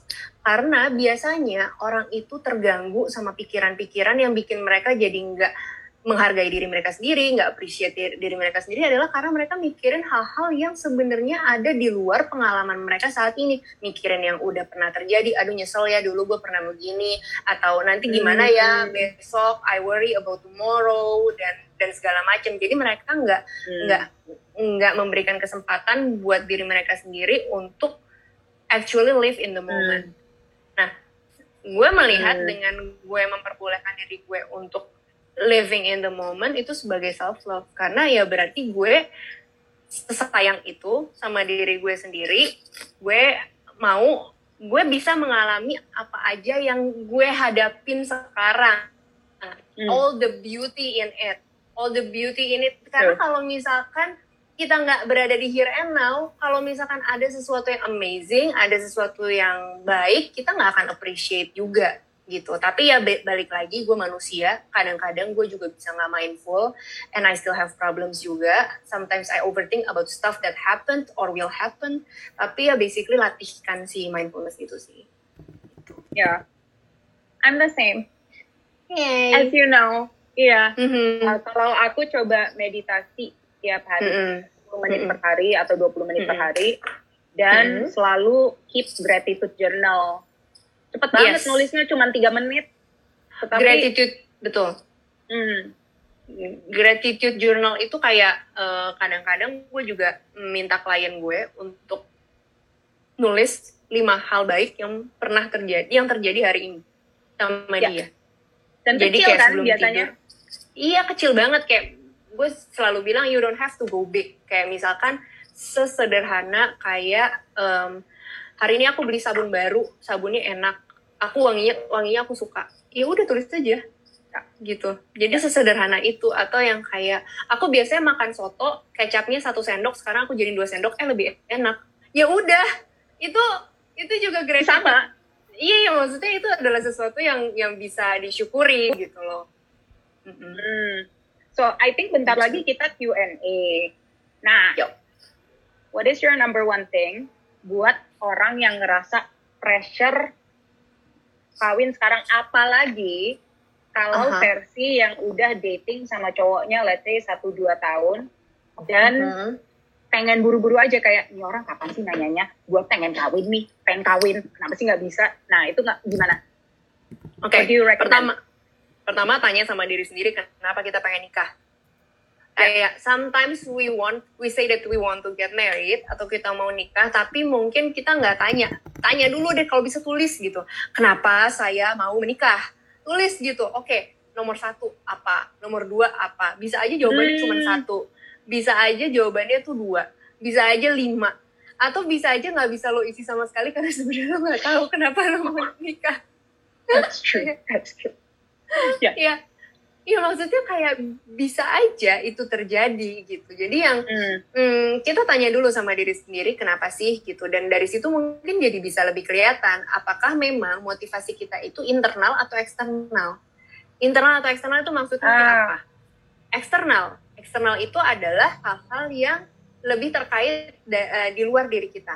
Kayak misalnya uh, mama saya udah nanyain terus atau um, keluarga saya udah udah udah pressure saya dan segala macam gitu uh, itu sifatnya mungkin eksternal tapi kalau misalkan internal itu lebih ke dalam diri misalkan saya merasa saya sudah siap untuk menikah hmm. gitu kayak maksudnya uh, saya mungkin ada yang jawabannya hmm, saya sudah berada di titik hidup di mana saya merasa happy dan saya hmm. mau share happiness saya ke orang lain. I think that's a good reason.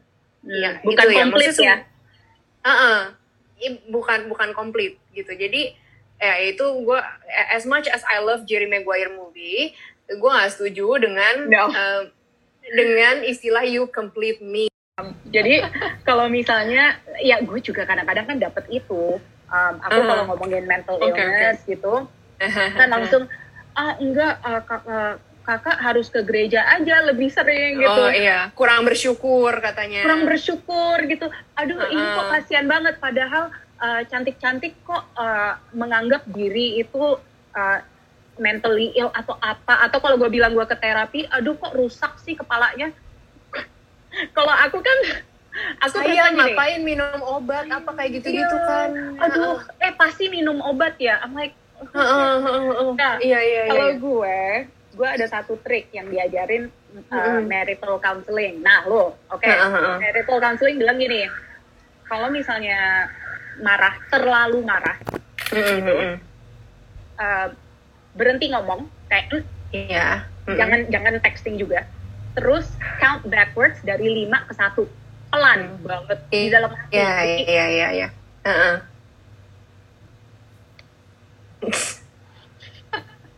Gue selalu gitu kayak "Hmm, aduh 5 4 3 Iya, 2 iya, iya. 1 lama take a deep Mhm. breath balik Mhm. lagi ke dunia ini terus Iya. you decide what to say and do Betul. tetapi paling bahaya kalau memulai any sentence dengan kata kamu eh Iya. kamu tahu apa kok lu ngomong gitu sih tentang gue ini apa jadi Mm-mm. eh, yang terakhir kan dibilang iya orang-orang yang pergi ke terapi itu dicokokin obat atau apa kasihan deh mbaknya padahal udah padahal cantik. Apa hubungannya? Aku juga Apa nggak tahu. hubungannya? Gue juga nggak tahu. Lu mau nguji gue cantik ya udah gue terima makasih gitu Ya. kan. Tapi aduh kok kok kakak ini kok kalau ngomongin uh, kayak pengen uh, glorify kita harus uh, minum pil.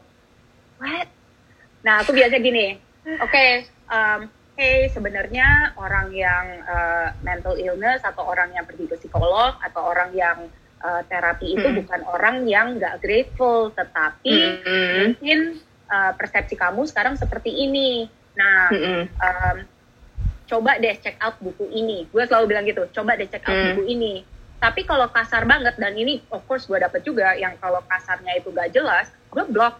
And I have no, I don't care, you know. So gue block dan I do this juga in real life. Gue block orang in real life.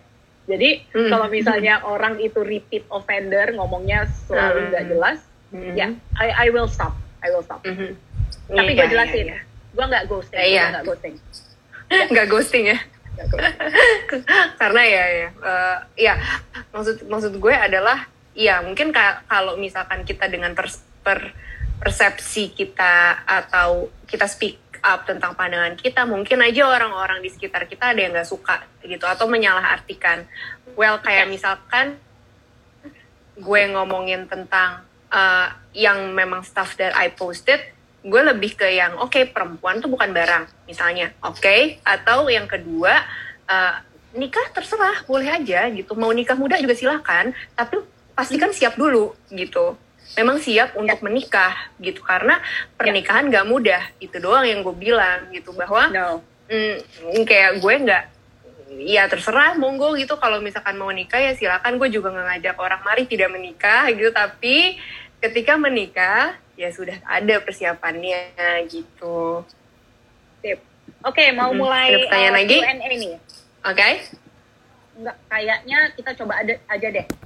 Mm-mm. Wow, oke, sip. Kita mulai ya. ya Uh, Agak-agak, uh, wow, these questions.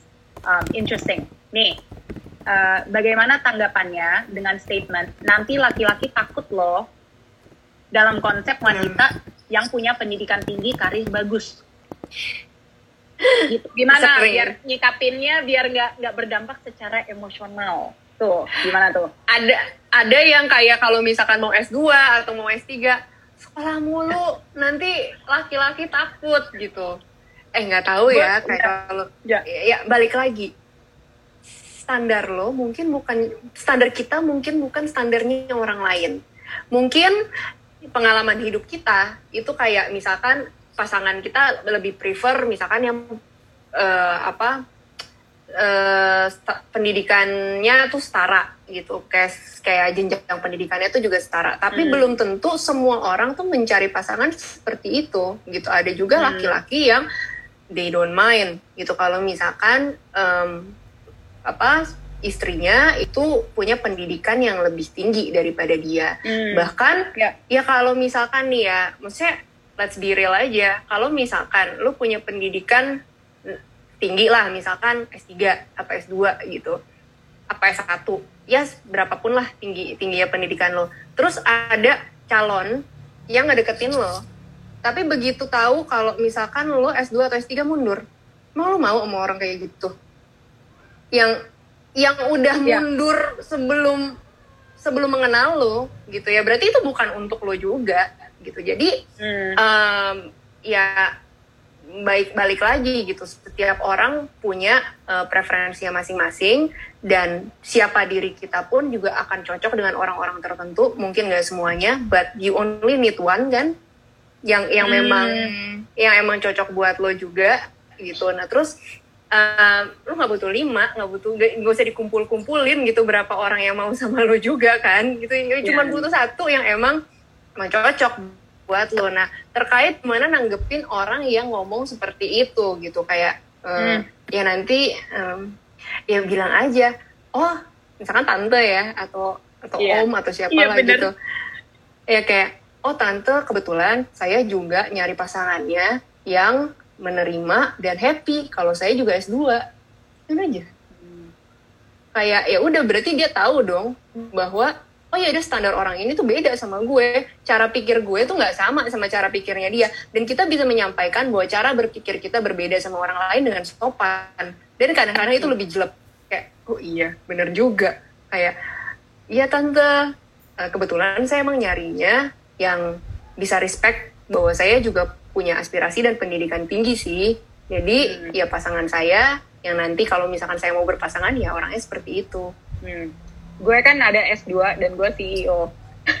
Jadi dan Nah. as you Yap, as you know, emang gue kadang-kadang dulu suka ditanyain, tapi Hmm. as you know, gue juga for some reason aku nggak punya uh, DNA yang enak ever. So, Emang ada Nggak sesuatu di DNA lo yang gue gak tahu sih kayak kayak sometimes gue tuh gue ngomong sama Gita, gue tuh orangnya agak nggak kalau gue kalau gue sama Gita emang ada pengalaman apa sih kepribadian tuh ada mirip-mirip. Tapi kayak satu hal yang kita beda banget kalau gue itu orangnya emang lumayan gak enakan. Kalau Ya. kalau Gita DNA gak enak nggak ada. literally nggak ada. Eh, dan kita Myers-Briggs sama loh. Yes. INTJ siapa yang INTJ. INTJ juga? Mungkin bisa nyaut di kolom. nyaut silahkan. Um, oke. Nah gini. Um, kan let's say let's say kita udah dapet cowok yang pokoknya aku terima kamu S2 I'm like you should be grateful. Gue S2 Iya. um, Uh-uh. tapi udah gitu Mhm. it seems it seems perfect. Nah pertanyaannya nih sebatas apa kompromi yang seharusnya kita lakukan ke hubungan? Karena kadang-kadang kita kan bingung ini kompromi atau I'm giving up myself like I'm giving up Hmm. Hmm, It's me, iya, iya. Oke, oke. Jadi perbedaannya kompromi dengan giving up myself kan? Ya. Ya. Kalau kompromi itu kan ibaratnya ketemu di tengah ya gitu. Hmm. Kalau giving up myself itu kan berarti ibaratnya kita yang nyamperin dia, dia nggak nyamperin kita. Gitu nggak sih? Jadi kayak Mhm. giving up itu adalah kayak oke gue memiliki sesuatu yang penting, gue lepas, gue pergi ke dia.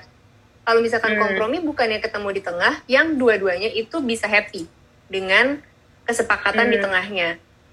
Bisa happy tuh mungkin aja bukan first choice lo yang di tengah itu, Ya. tapi Ya. at least it doesn't make you suffer atau make you give up something yang memang penting banget buat lo kayak misalkan nilai-nilai lo dan segala macam. Hmm. Karena gini loh, nggak menurut gue ya, nggak tahu ini unpo- unpopular, unpopular opinion atau gimana, nggak semua hal itu bisa dikompromikan, beneran nggak? Kayak nggak semua hal itu bisa dikompromikan. Untuk beberapa hal, mungkin kompromi itu jadi lebih susah. Let's say kayak kalau misalkan aku mau punya anak, sana tidak mau punya anak, lalu bagaimana? Kita punya anak atau enggak? Masa kita mau setengah-setengah punya anak, kayak setengah kita asuh dan setengah apa orang tua kita atau mertua yang, ng- yang asuh kan nggak ada jalan tengahnya ya kalau misalkan di situ gitu. Nah Hmm. kalau misalkan memang udah ternyata nih diomongin ada hal-hal yang sefundamental itu, se sebesar itu yang nggak bisa ditemukan jalan tengahnya yang semuanya dua-duanya happy. Nah mungkin di situ bisa pertanyakan apakah hal ini bisa dikompromikan atau jangan-jangan kalau ini dipaksain salah satu harus menyerah atau give up. Nah, uh, the next one is interesting karena tadi kita Mm-mm. ngomongin vision, mission, values, segala Iya. hal itu kan. Mhm. Sering orang mikirnya gue itu kawin karena gue jatuh cinta. Iya, Kita valuesnya sama. iya, Tapi kan gue waktu itu waktu um, premarital counseling ditanya, what is the vision of this relationship? Ini Aha. what's your mission? Kenapa kamu Iya. di relationship? What for actually? iya, iya, iya, iya. What's the point? Nah, Mm-mm. itu gimana sih kita jawab itu? Karena sering orang uh, gue pacaran, gue jatuh cinta, dia itu bibit-bibit semuanya. Mhm. Tapi But kayak so kalau kalau ditanya mau mau di mau dibawa ke mana lah hubungannya Mau gitu jadi? Ya. lu, lu lu waktu itu jawab apa? Kalau boleh tahu. Boleh, boleh, uh. boleh. Uh. Um, sebenarnya waktu itu aku bilang uh, the big difference is dengan nih cowok adalah gue itu menjadi versi paling baik diri gue bukan karena gue rely sama dia tetapi dia inspire gue dengan kebaikannya, dengan betapa forgivingnya dia, dengan betapa bahwa dia itu sering ngeliat my best self daripada yang rusak-rusaknya doang. Yeah. And because of that, aku inspire malah pengen lebih baik lagi, biar aku bisa yeah. level up. Karena mm. relationship ini. Did I have mm. to get married? Sebenarnya kan enggak. Mm -mm. Actually no, right? Nah, yeah. tapi kita pengen get married karena emang kita berdua value-nya pengen get married Betul. Eh, karena there's something in the marriage institution yang kita yeah. respect dan kita suka. Bukan berarti yeah. kalau ada relationship yang nggak get married itu lebih jelek. Nggak ada. Iya. Yeah. So, how mm -mm. find the purpose basically.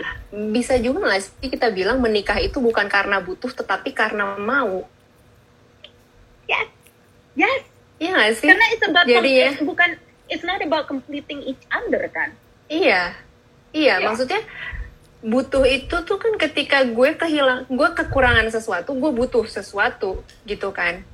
Jadi kayak ibaratnya kayak gue butuh makan karena gue kekurangan makan, ya enggak? Beda kalau gue mau makan. Actually gue nggak perlu makan, tapi gue mau melakukan itu, gitu. Nah jadi uh, mungkin kalau kenapa bisa di, jadi gini kalimat gue yang tadi itu perlu benar-benar sangat hati-hati diinterpretasikannya. Kenapa?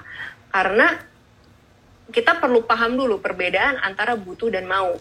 Kalau misalkan butuh kan berarti bisa dianggap kita ada sesuatu yang incomplete di dalam diri kita. Yeah. Uh -uh. Incomplete kayak ada sesuatu yang broken, ada sesuatu yang apa gitu yang we need something to fix us in a way. Hmm. Gitu.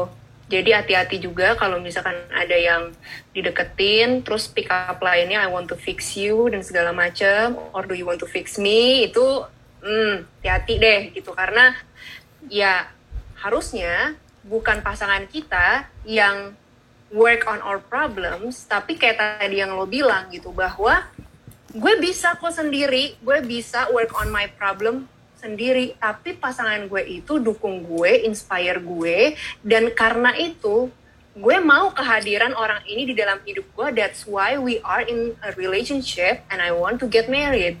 Yeah. karena gue mau. Karena yeah. this person itu bisa bisa apa ya? Bisa me menghormati gue bisa inspire gue bisa um, mendukung tapi I have to do the work myself gue nggak bisa lemparin hal-hal yang memang menjadi tanggung jawab gue ke pasangan gue that's why itu bukan gue nggak pakai kata need di situ atau butuh ya yeah. so this is a two part question jadinya ya yeah. um, kan kita ngomongin bedanya need and want right ha, ha, ha. Um, yeah. Tanya gini, gimana cara deal dengan diri sendiri, basically nerima uh, dan yeah. kalau kita nggak jawab pertanyaannya itu mungkin karena kita udah ngomongin sebelumnya atau yeah. ya, mungkin karena banyak aja Q&A-nya. Yeah. Um, anyway, um, gimana caranya kalau masih umur uh, belum umur bentar lagi umur 30 atau udah lewat 30 mm. you kayak masih ngerasa gila ini gue kapan ketemu orang how do you accept that tetapi lebih lebih ini lagi lebih susah gimana kalau sebenarnya lu udah accept gue emang nggak pernah mau kawin ever that's just not who I am gue kalau dapet yeah. apa pun oke okay, maybe kita relationship tapi literally gue sama sekali nggak mau kawin at mm. all forever and ever mm -hmm. Mm -hmm. how do you say it ke keluarga lo ke orang tua lo yang kapan nih kapan nih kawin and then you're like aduh gue beneran never yeah. ever ever ever ever gitu oke okay. gini sih um, ketika ngomongin tentang keluarga gue tahu gitu kayak kalau um, mungkin jawaban yang quote and quote mudahnya adalah mudah mudah tetapi menurut gue bisa jadi oversimplifikasi. Uh, itu jawabnya adalah um, ya aku kan udah dewasa aku bisa menentukan kehidupan aku sendiri uh, aku yang ngejalanin itu. Itu itu jawaban singkatnya tapi gue ngerti mungkin gak semua orang tua bisa diomongin kayak gitu. Bener nggak kayak Iya kan, maksudnya ya kalau misalkan gue ngomong kayak gitu enak banget sih Nes ngomong kayak gitu, lu coba ngomong sama gue gitu misalkan. Nah, Hmm. Uh, jadi memang itu sangat-sangat kompleks kalau misalkan um, memang value keluarganya itu tuh sangat ini ya, yang tadi uh, apa keterlibatan orang tua kepada anaknya dewasa itu masih sangat tinggi gitu. Hmm. Nah, mungkin prosesnya jadi lebih lama gitu untuk memahami uh, dan dan membuat saling mengerti bahwa kita semua tuh udah punya ke apa pilihan hidup sendiri gitu dan uh, gue gak bilang itu sesuatu yang mudah tetapi kita bisa membuka dialog-dialog gitu yang ya pasti ada challenge-nya gitu namanya namanya orang tua itu juga punya pandangan sendiri yang kadang-kadang karena beda generasi itu jadi pandangannya lumayan jauh berbeda gitu. Nah tapi ya dengan bisa kita tanya gitu. Kalau kalau kalau gue sih kepikirannya ya mah emang pengen aku nikah kenapa? Gitu concernnya apa?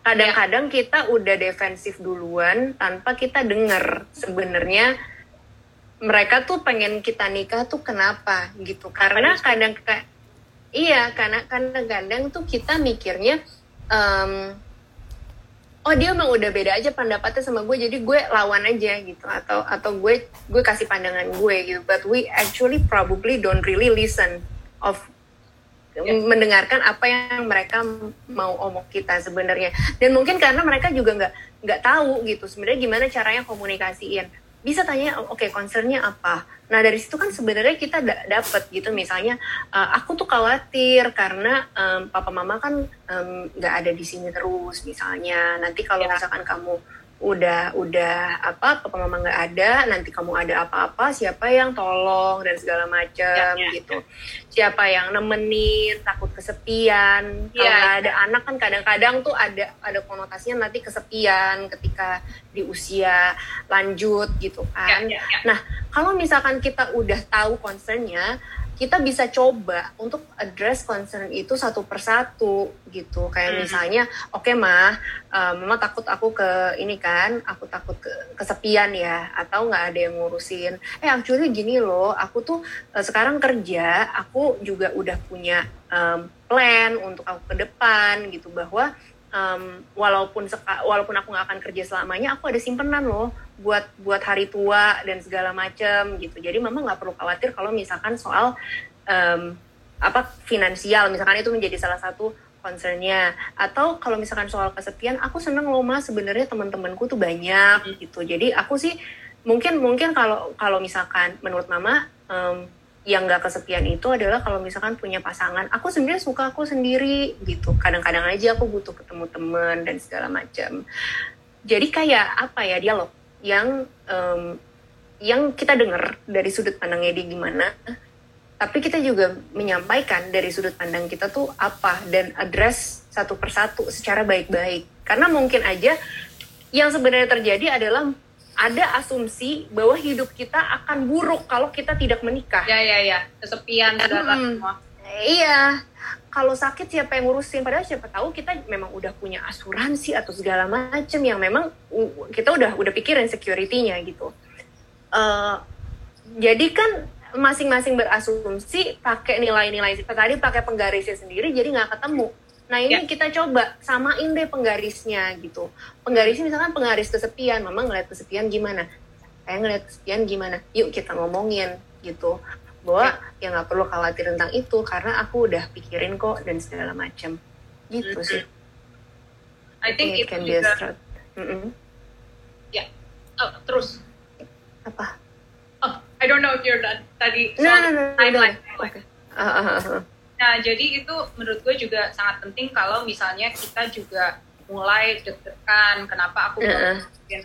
beneran literal uh, uh. just keep asking yourself karena yeah. sebenarnya yang sangat kurang di dunia ini menurut gue adalah dengerin satu sama lain dan juga dengerin diri sendiri. Dengerin diri sendiri. komen sangat cepat ngomong ya. dengernya even denger diri sendiri kita sering ya ya, ya betul betul. Betul. Tapi kadang-kadang juga terlalu dengerin. Jadi pertanyaan ini ada beberapa nih. Ada yang nanya uh, ada beberapa yang nanya. Mereka sering ngelihat failed relationship. Gimana uh -huh. jadinya takut uh, ya, kan? apa kabar gue ya yang tiap hari ketemu klien bener bener bener eh uh, bisa share share? Nih, karena ini Apa? kan yang ketemu banyak banget fail and it's not just random. Emang yang kalau udah uh, kalau banyak yang susah emang ke lo gitu. Gimana how come you're still hopeful in love gitu? Kenapa lu masih percaya bahwa relationship itu bisa produktif bukan cuma aduh nanti gagal. Oke. Kalau gue ya ngelihatnya, oke gue jujur lah, gue nggak nggak yang uh, Hmm. apa ya yang memang sugar coating bahwa yang kayak oh enggak kok it doesn't affect me at all kayak Hmm. gue bisa uh, sangat-sangat tidak terpengaruh dengan ini dan segala macam karena ya at times juga gue juga kayak ya gue manusia gitu loh. Walaupun gue gue jadi psikolog tapi misalkan udahannya ya gue mikir susah juga ya kayak ribet Hmm. juga ya yang kayak gitu-gitu loh. Jadi memang itu uh, affect me juga gitu. Tetapi kalau misalkan memang kita mau coba pikir dan tinjau lagi bukankah dengan kita melihat uh, mungkin beberapa um, relationship yang punya masalah ya gitu. Mungkin mungkin I don't know failed atau memang ada masalahnya dan segala macam uh, kita jadi bisa melihat um, relationship itu secara lebih realistis menurut gue.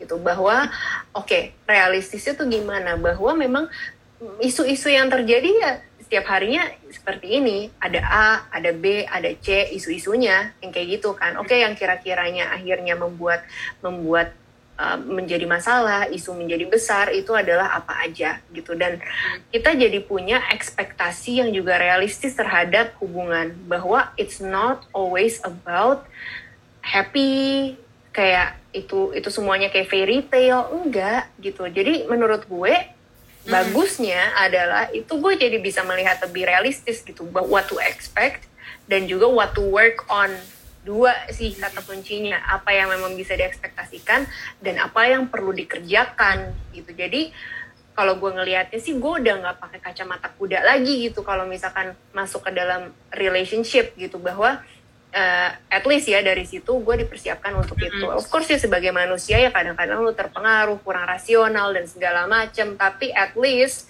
lu berkesempatan juga sih untuk melihat um, hal-hal yang memang lu perlu persiapkan nantinya gitu. Jadi nggak naif lagi lah gitu di dalam di dalam hubungan atau di dalam relationship. Ya harus tahu ekspektasi realistik Mm-mm. dan juga Mm-mm. melihat how can things go right, how can things go wrong. Betul. Karena kalau Mm-mm. ada yang uh, ya jalan hidupnya beda tiba-tiba terus udah gitu kalau Iya. uh, curveball dari mana dan ngeganti Hmm. timeline kita juga Hmm. dan apa yang kita lihat sebagai expectation dan reality dari sebuah uh, relationship. Oke. Mm-mm. Nih, agak menarik karena ini dari mahasiswa psikolog. Oke. Wow, oke. Gini, Mm-mm. uh, biasanya kan uh, parents united front kan, jadi ayah dan ibu. Iya.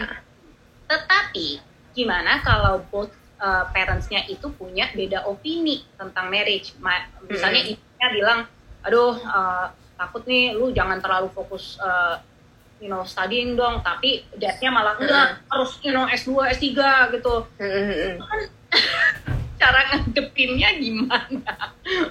Iya sih. Oke oke. Kan ngikutin yang mana? Karena Mm-mm. kadang-kadang kan orang tua juga bisa agak jeli-jeli gitu. Jadi, hah kok kamu selalu dengerin Kok udah ngikutin? Iya iya iya. ngikutin ibu sih? Gimana nih? Iya iya. Oke kalau kayak gitu kita bisa juga jadi apa ya? Be, be the one who ask questions gitu. Karena kayak balik lagi tadi kadang-kadang kita tahu apa yang kita mau berdasarkan uh, standar kita pribadi atau Hmm. bahkan ya whether kita benar-benar tahu atau cuman ngomong doang kita nggak tahu ya. Tapi basically kita pakai penggarisnya kita untuk menilai segala sesuatu beropini mana yang baik mana yang buruk. Nah gue yakin ayah baik ayah maupun ibu punya penggarisnya sendiri-sendiri. Kenapa dia menganggap itu yang terbaik buat anaknya? Nah kita bisa jadi orang yang menanyakan kepada mereka oke kenapa sih menurut ayah itu yang terbaik? gitu atau uh, menurut ibu kenapa sih penting untuk nikah? Menurut ayah uh, kenapa penting untuk uh, mengejar karir dan segala macam? Atau berpendidik melanjutkan pendidikan? Nah dari situ ya udah kita nanti bikin catatan oke menurut si ibu itu uh, penting untuk menikah karena untuk kestabilan apa ya uh, ada yang menikah kan juga kayak oh ya udah nikah aja biar nanti ada yang nafkahin gitu misalkan. Kestabilan Hmm. finansial gitu misalnya. ya mana tahu kan anaknya mau sebenarnya nyari duit sendiri atau emang udah udah sekarang punya duit sendiri gitu yang sebenarnya nggak perlu worry tentang itu. Jadi tuh yang kayak ada hal-hal yang mungkin kita tuh belum sempat menyampaikan kenapa kita berpikir itu yang terbaik tapi udah jumping ke oke okay, kamu gini aja karena ini yang terbaik gitu loh. Nah coba coba kita pahamin jembatannya kenapanya gitu nah itu kan yang sebenarnya menjadi kuncinya kan ketika kita udah paham oke okay, poin-poinnya concernnya ternyata bapak ibuku tuh seperti ini dan gue yakin poin po, uh, concern-concernnya tuh baik dan maksudnya positif gitu. Hmm. Jadi kan nggak ada yang mau mencelakakan anak toh gitu. Jadi ya, ya. Uh, dari situ kita bisa pahamin dari berbagai sudut pandang dan akhirnya kita bisa memberikan opini kita. Oh, oh bisa aja kita jadi nggak nggak memihak salah satu tapi ber, di tengahnya justru oke okay, ngerti uh, dari bapak tuh concern hmm. terus kalau dari agak putus nih. Jadi ini menurut gue make sense kalau gitu gimana kalau approach-nya kayak gini aja gitu. Oke. Okay. Oke. Okay. Si putus uh, gitu. Atau uh, udah balik? You udah balik. Hore. Gitu. Oh. Udah balik. Hey. Oke. Okay. Okay. Nah, um, nanya aja nih ke Bella, uh, art fitness uh, host kita. Uh, kita udah mm ada berapa lama lagi? Bisa nggak 10 menit lagi? karena kita udah kayaknya lebih dari satu jam kayak satu jam iya. gitu. kita udah satu setengah jam kita udah hampir oh, satu setengah jam kayaknya okay. boleh 10 menit lagi ya ini masih ada beberapa okay. pertanyaan yang belum dijawab mungkin yang singkat-singkat aja boleh dijawabin dua okay. pertanyaan lagi deh dua pertanyaan terakhir ya beruntung yang ini ya yang yang yang ikut zoom karena kan kalau di IG live cuman satu jam bukan ini udah diperpanjang ya, tenang kak tetap jalan nih di IG uh, Live. Udah dua sesi oh, di IG Live. Jalan. Oh, iya. Baik, baik, baik. Tapi okay. kita IG Live itu selalu kayak, oh udah hampir satu jam. I'll see you later gitu. Iya, iya, iya, iya, iya. Jadi nggak tenang tiba-tiba ya, padahal lagi seru. Kalau nggak bisa ke save. Iya. Parah banget. Anyway, um, gini, nah ini I've seen that, ini aku lihat sering banget actually. Jadi uh, pertanyaannya, mm -hmm kita dating hampir setahun uh, tujuannya okay. sekaligus tujuan nikah ini tapi pasangan hmm. bilang oh kok aku belum 100% ya padahal mereka udah hmm. ngomong berat-berat udah ini udah hmm. ini pokoknya udah hmm. try to think of everything tetapi emang pasangannya bilang enggak enggak adalah sesuatu yang stopping nih gitu now hmm. Ini untung setahun ya karena aku sering banget ngelihat yang udah kita pacaran 8 tahun tapi pas 8 tahun 5 tahun there's something gitu mm. oke okay, so what so. can you do mm-hmm. kita gimana nih cara dapat jawabannya oke okay. ini dari dari dari pihak orang yang pengen nikah tapi pasangannya nggak yes. nggak yakin nggak yakin okay. tapi udah ngomong semua hal yang sulit everything udah diomongin tetapi mm-hmm. cowok atau ceweknya masih kayak aduh gue not ready hmm. nah here's here's my question. Um, kalau uh, kan ditanyanya kira-kira kita perlu lakuin apa nih untuk dapat jawaban? Tetapi another question on top adalah perlu nggak sih sebenarnya kita bantuin untuk dapat jawabannya? Atau udahlah give up aja? Gimana? Apa nih batasnya? Batasnya? Oke, okay, gini sih. Kalau menurut gue sih nggak ada salahnya untuk kita bantu, namanya pasangan ya, bantuin kan untuk dapat jawabannya. Uh, let's say kayak, oke okay, kayaknya kita udah udah coba diskusiin panjang lebar dan segala macam, tetapi ternyata kayaknya uh, gue tetap gak yakin. Hmm. Nah, itu itu kenapa? Ya itu kita bisa coba bantu dia untuk untuk um, mendapatkan jawabannya. Let's say kayak oke okay, yang concernnya apa? Balik lagi tanya concernnya apa? Sebenarnya ada nggak sih hal-hal yang dikhawatirin? Biasanya seperti itu gitu. Kalau misalkan kita tanya gini loh gini loh. Mungkin ini juga bisa menjadi pembelajaran atau tips buat teman-teman. Ditanya kenapa tuh susah? jawabnya. Serius. Coba deh. Iya. Kayak misalkan kayak Ines kenapa kamu nggak suka pizza? Gak tahu gitu kayak nggak tahu gitu. Kayak maksudnya kadang-kadang maksudnya ketika gue menjalani pendidikan sebagai psikolog juga yang gue diajarin adalah meminimalisir pertanyaan kenapa. Karena itu susah dijawab sama orang gitu. Nah jadi gue mem memang meminimalisir itu. Kalau bisa gue nggak tanya kenapa ya gue nggak nanya kenapa. Tapi kita bisa mencari jawaban dari pertanyaan kenapa itu dengan pertanyaan lain. Salah satunya adalah concernnya apa emang? Kalau nikah yang kamu khawatirin apa? Itu kita bisa dapat jawabannya tanpa harus nanya kenapa. Dan itu lebih konkret buat orang buat dijawab. Karena kan dia jadi mikir iya ya apa ya concern gue ya? Apa ya yang sebenarnya gue khawatirin? Gitu. Uh, biasanya tuh lebih ada jawabannya lah daripada sekedar nanya kenapa. Oke okay, misalkan itu udah dilakukan terus nggak um, dapet juga jawabannya. Oke okay, bisa juga ya Uh, kamu butuh bantuan nggak untuk mendapatkan jawabannya? Karena kamu boleh loh ngomong kalau buat aku sih, aku udah menjalani hubungan ini cukup lama dan aku yang yang aku uh, rasa aku butuh sekarang adalah um, aku juga butuh tahu kamu tuh berdirinya di mana gitu hmm. supaya aku juga bisa uh, apa ya memplan hidup aku dan aku juga aku menghargai diri aku gitu. Aku sayang sama kamu tapi aku menghargai diri aku juga gitu. Jadi aku akan uh, kalau kamu masih masih me, kesulitan mencari jawabannya oke okay, butuh bantuan orang lain gak let's say profesional dan segala macam.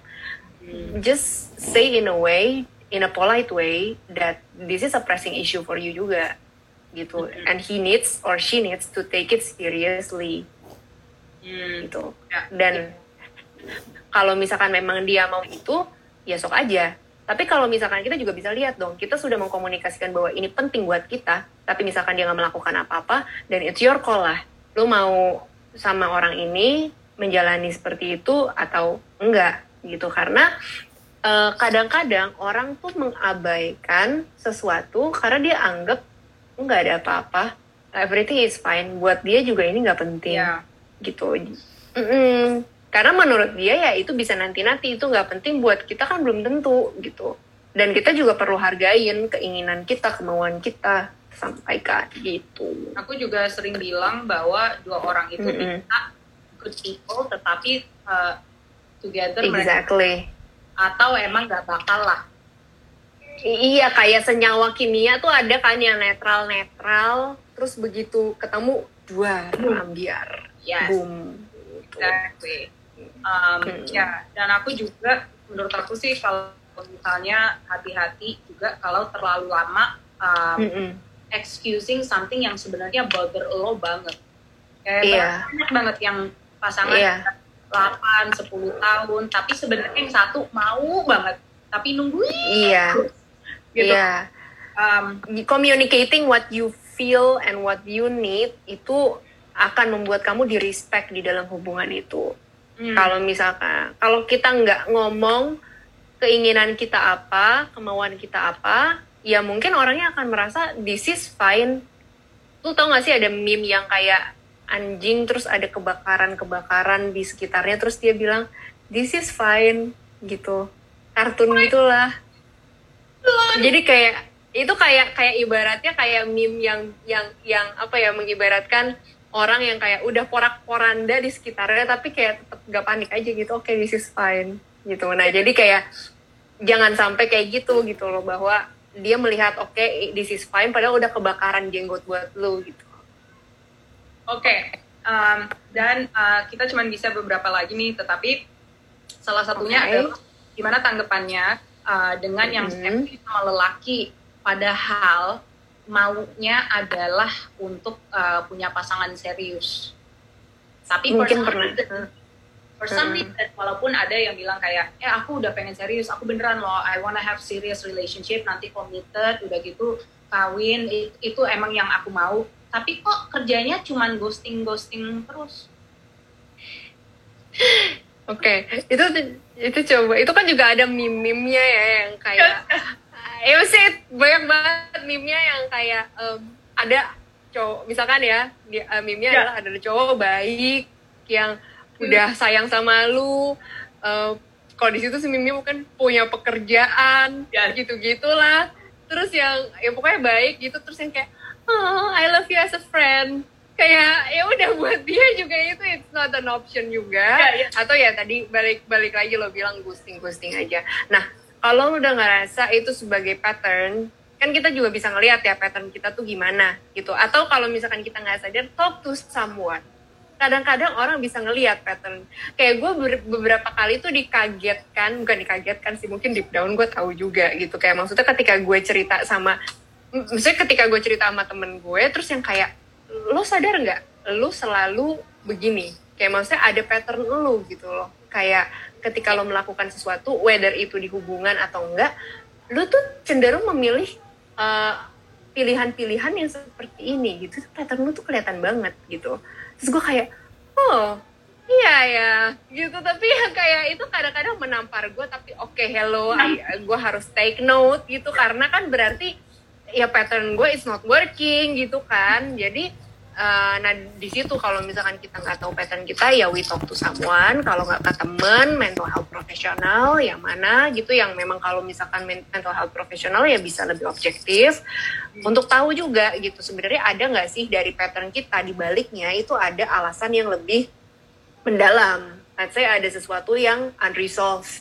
Kenapa sih uh, mungkin takut untuk menjalin hubungan yang lebih serius. Mungkin karena dulunya pernah let's say diselingkuhin atau uh, waktu kecil juga tidak melihat um, role model yang cukup baik di dalam hubungan let's say dari keluarganya gitu. Nah jadi uh, kita juga juga aware dengan itu. Dan kalau misalkan memang ada hal-hal yang perlu diselesaikan kan bisa diselesaikan gitu Oke, okay, dan yang terakhir hmm. nih, um, kalau yes. karena tinggal lima menit. Um, Oke. Okay. Best one adalah selalu yang nanya, tapi sebenarnya kan kita mau kamu kawin cepat karena uh, gimana kesuburan? Which is a point, by the way. Which is a, it is a, it's a, it's a valid point. Ya udah, tapi gimana cara cara cara okay. Oke, okay. lo nya sebenarnya concern tentang itu atau enggak? Lu nya memang punya mau punya anak atau enggak ya kan? Bisa aja bisa bisa aja orang tua atau sanak saudara itu concern karena menurut mereka oh iya pasti pengen punya anak karena gue pengen punya anak. Jadi si Gita atau si Ines pasti dia juga mau punya anak gitu. Padahal belum tentu kitanya mau punya anak. Oke okay, kalau misalnya kan ya let's say kitanya juga mau punya anak ya itu kan berarti kita juga perlu bikin planning untuk diri kita sendiri gue nggak hmm. bilang bahwa satu-satunya itu adalah dengan menikah cepet gitu nah hmm. tetapi kan sekarang kan juga banyak optionsnya.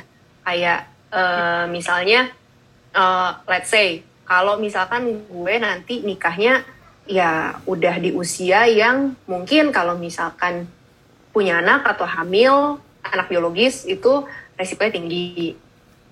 Lo uh, terbuka untuk adopsi atau enggak? Misalkan itu itu itu kan pertanyaan-pertanyaan yang kadang-kadang kita nggak kepikiran gitu loh. Ya dan sekarang teknologi juga maju. Gue nggak tahu kalau misalkan yang freezing eggs di sini tuh situasinya tuh kayak gimana. Yes. ya oh, iya, gue nggak tahu.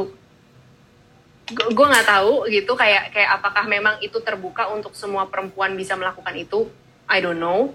Gitu. Nah tetapi kayak buat orang yang memang punya concern terkait itu kan bisa memang mencari optionsnya dan ketika lo punya options lo bisa memplanning itu sih hmm. itu ya uh, kami hmm. yang uh, kawinnya uh, uh, umur 38 gitu uh, dan hmm. kita kan juga family planningnya nanti artinya aku mungkin kalau hamil kalau jadi itu umur 40 hmm. eh, karena aku 39 bentar lagi nah itu sampai kita omonginnya itu sedetil itu loh. Kita ngomonginnya gimana kalau adopsi, gimana kalau tiba-tiba salah satu dari kita ganti pikiran setelah merit yeah. mau anak itu. Jadi semuanya semuanya harus dipikirin. Even sampai kalau uh, amit-amit ada sesuatu yang terjadi sama kamu, itu gimana? Kamu maunya aku reaction seperti pokoknya all of this stuff lah. Jadi sepertinya ujung-ujungnya in the end emang kita sebenarnya harus tahu diri sendiri dengan sangat baik Betul. sebelum kawin. Betul. Betul. Dan, dan bukan cuma mengenal pasangan, mengenal diri sendiri itu kadang-kadang lupa deh gitu. Kayak maksudnya kita tuh kayak sibuk um, oh ya kalau misalkan sebelum nikah harus kenal sama pasangan dan segala macam kenal sama diri lo juga atau enggak gitu lo tuh maunya kayak gimana is he or she the right person for you kalau lo emang orangnya kayak gini jangan sampai lo yang ngikutin terus-terusan karena ya nggak bagus juga untuk ke depannya gitu. Yes. dan banyak banget cara uh, tetapi salah satunya yang benar-benar ngebantu adalah ngomong dengan uh, profesional yang objektif karena dia nggak ada interest di diri lo kayak temen atau keluarga yang punya yeah. sendiri jadi ya kalau keluarga kan mungkin kayak lo cerita dia punya agendanya tersendiri kan yeah. kayak misalnya ya gue pengen anak gue kayak gini sih jadi kayak ya ketemu kalau temen ya uh, I love my friend so much. Tapi kan kadang-kadang kalau temen lu pengennya lu belain temen lu bukan sih? Kayak lu jagain temen lu gitu loh. Jadi yang bukan kayak salah lu Nes. Iya. Ya bukan bukan salah lu Nes semuanya gitu. Kayak ya ya enggak sih. Untungnya my friends mereka bisa yeah. menurut gue objektif. Always tell you. Uh, tapi ya ya like you kayak lu kayaknya always say it like it is gitu. Jadi kayak um, uh, ya mungkin kayak ya gak tahu kan teman-temannya orang tipenya kayak gimana gitu tapi ya kalau gue kan kadang-kadang misalkan gue diceritain sama temen gue that's why psikolog itu nggak boleh ngambil temen jadi kliennya karena udah bias gitu yeah. atau keluarga kan gue yang kayak ya gue kenal dia ya gue bela ini dia lah itu jadi ya um, cari bisa juga mental health profesional yang netral gitu. Thank you so much. Um, terima Thank kasih. You. Maaf ya nggak bisa semua pertanyaannya, tapi banyak yang emang cover dan kalau misalnya teman-teman mau kita bisa aja kalau si Ines juga mau uh, dan ada waktu bikin webinar lagi. Tapi sure, iya yeah, mau. feel free to, Apa topiknya?